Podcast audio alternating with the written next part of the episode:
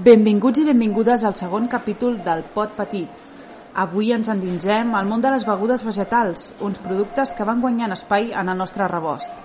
De cibada, de soja, d'ametlla, d'arròs, totes elles no es fabriquen soles i avui, al Pot Petit, comptem amb un especialista.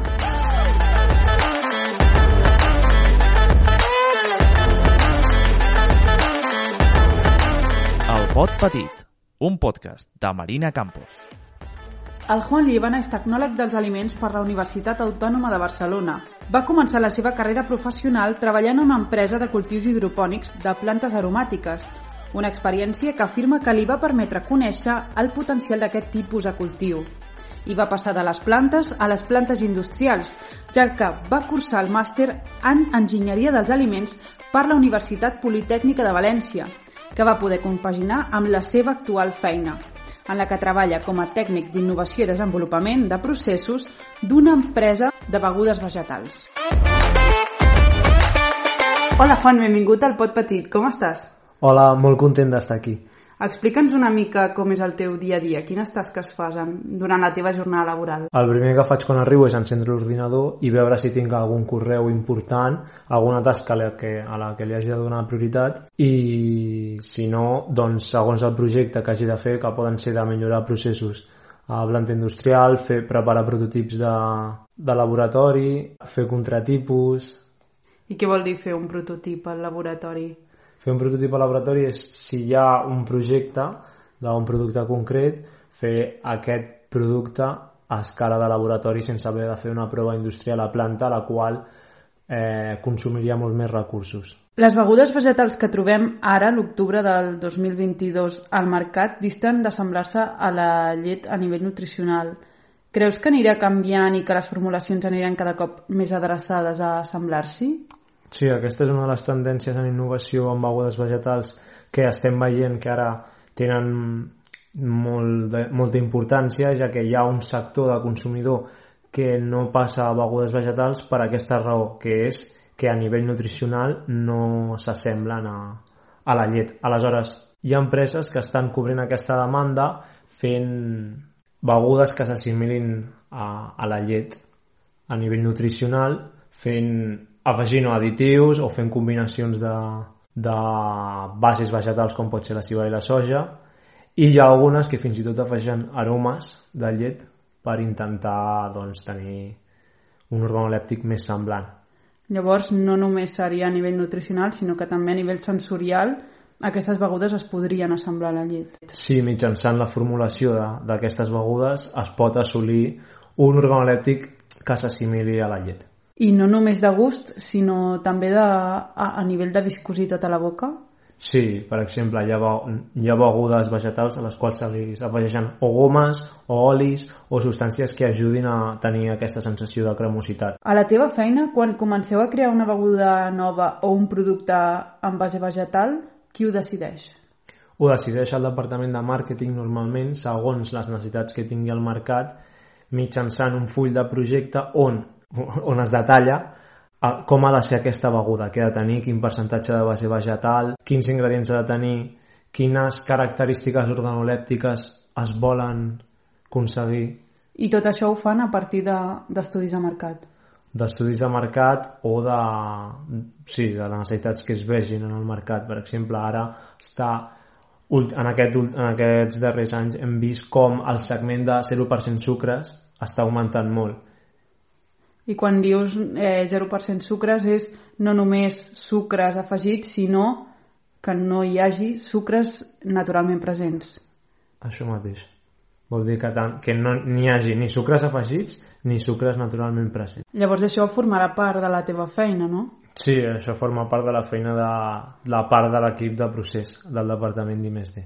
I ara que estàvem parlant eh, qui decideix quan es comença un projecte nou, un cop això ja està decidit, quin és el primer pas quan, quan enceteu un projecte?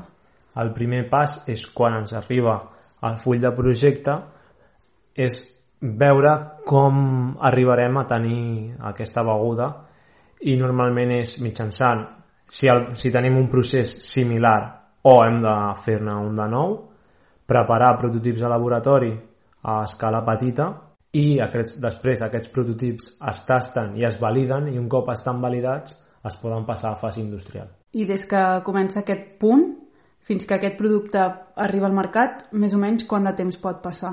Pot passar hi ha uns temps estipulats segons el model de seguiment de projectes i normalment passa un any aproximadament fins i tot en... des de que es comença des de que s'entrega el full de projecte fins que pot sortir al mercat i si és un producte similar a un que ja teniu i només es acaba de reformular i tal, és menys temps? Sí. El pot petit un podcast de Marina Campos. Hi ha un estudi basat en dades de la consultora Nielsen i publicat pel projecte europeu Smart Protein que assenyala que el volum de vendes de begudes vegetals ha augmentat en gairebé un 15% des del 2018. Quin creus que és el futur de les begudes vegetals? Quina tendència creus que tindran? Primer de tot crec que hauríem de, de posar en relleu a, aquest augment que ha estat gràcies a, a que hi ha gent amb intoleràncies, hi ha gent amb necessitats especials i dietes especials que fan que aquesta, aquest volum de beguda doncs, pugui arribar a ser una alternativa a altres productes que es consumeixen ocasió, bueno, com tradicionalment com la llet i el futur està, com hem parlat abans, en que s'assimilin al màxim a la llet per tal de captar aquests consumidors que no donen el pas pel fet de que no s'assemblen ni nutricionalment ni en, ni en gust. I eh, el, en el futur més immediat, més a curt, mig termini, el segment de begudes vegetals evolucionarà a no només les bases vegetals, em refereixo a cibada, soja, arròs, ametlla, sinó a expandir-se a altres tipus de vegetals com poden ser les llavors de cànem, eh, el, el blat de moro, entre altres, que facin més atractiva aquesta, aquest segment de begudes per la gran varietat que pot arribar bé. I a més a més, el fet d'enriquir aquestes begudes no només amb vitamines, sinó amb una quantitat de proteïnes que faci interessant també a doncs, segment esportiu, entre altres. El pot petit, un podcast de Marina Campos. Ara et faré una última pregunta que faig a tots els convidats al pot petit. De quin àmbit dels aliments creus que hi ha més desinformació? sobre els additius perquè és un segment de, de la, dels aliments on hi ha més desconeixement per part del consumidor. Clar, i, i al final aquest desconeixement també es pot traduir en desconfiança, oi? Sí, perquè clar, al final pots veure un número o un nom molt estrany, com per exemple ésteres de monodiglicéridos de los ácidos grasos, doncs dius que, que aquest nom tan llarg Clar, i a vegades... en funció del producte, quin tipus d'ingredient és. Clar, sembla que sigui per caprici, no?, que s'afegeixen. Clar, quan, tenen, quan realment fan una funció tecnològica en el producte. Per tal que el producte pugui ser tal i com el volem, no? Els com el consumidors. volem o... Sí, com, que, que tingui una vida útil més llarga o que Compleixi amb les expectatives. que, clar, la qualitat.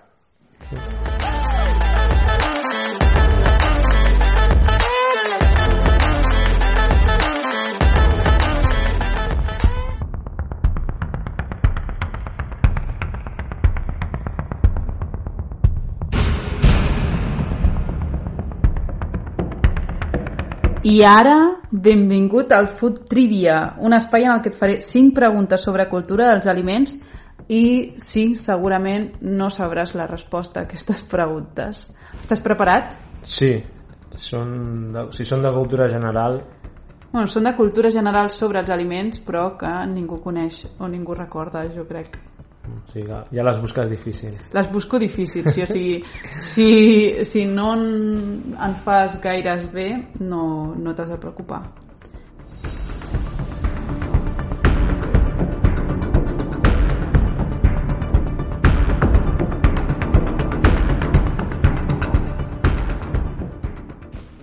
Comencem amb la primera. Quantes estrelles té el celler de Can Roca? Estrelles Michelin, vull dir. Dues, tres o quatre? Tres són el màxim, no? Dues. Ha de tenir dues. No sé si hi ha un màxim. Llavors, dues? Em sembla dues. Doncs en té tres. Sí, tres són el màxim. Segona pregunta.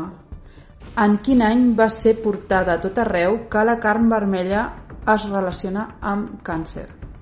El 2015, el 2017 o el 2014? El 2014.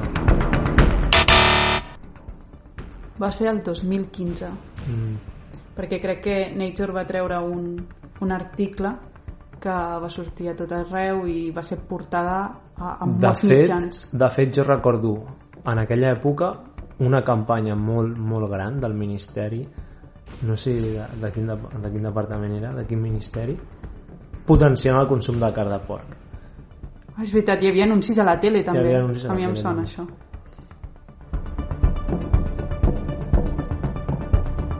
Tercera pregunta. En quin any es va descobrir la pasteurització? El 1864, el 1738 o el 1887? El 1864. Sí, molt bé. Quarta pregunta. Portes una de tres. Quan va obrir McDonald's el seu primer establiment a Barcelona? El 1991, el 1982 o el 1978? Ostres, és molt difícil, eh? Però ha de ser al voltant de les Olimpiades, potser abans. Qui- Quines m'has dit? 91, 82 i 78. El 91. Doncs va ser el 1982. Mm. Jo també, anys jo també abans. pensava que seria els 90.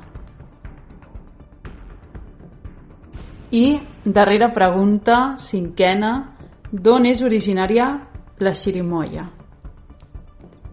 Originària, no on es cultiva avui dia. Del Perú i l'Equador, de l'Equador i Xile, o d'Argentina i Xile? Del Perú i d'Equador.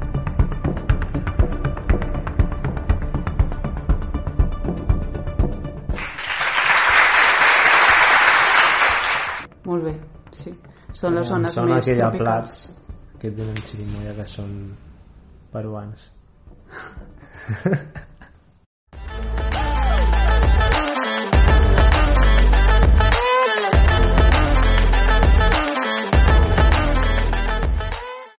Moltes gràcies. Avui hem tingut el pot petit a Juan Liébana, tècnic animes de, de procés en una empresa de begudes vegetals. Moltes gràcies per acompanyar-nos i per haver posat focus en les noves tendències i cap a on anirà aquest sector. Moltes gràcies a tu per, per haver-me convidat al, al pot petit i la pròxima vegada faré millor les preguntes.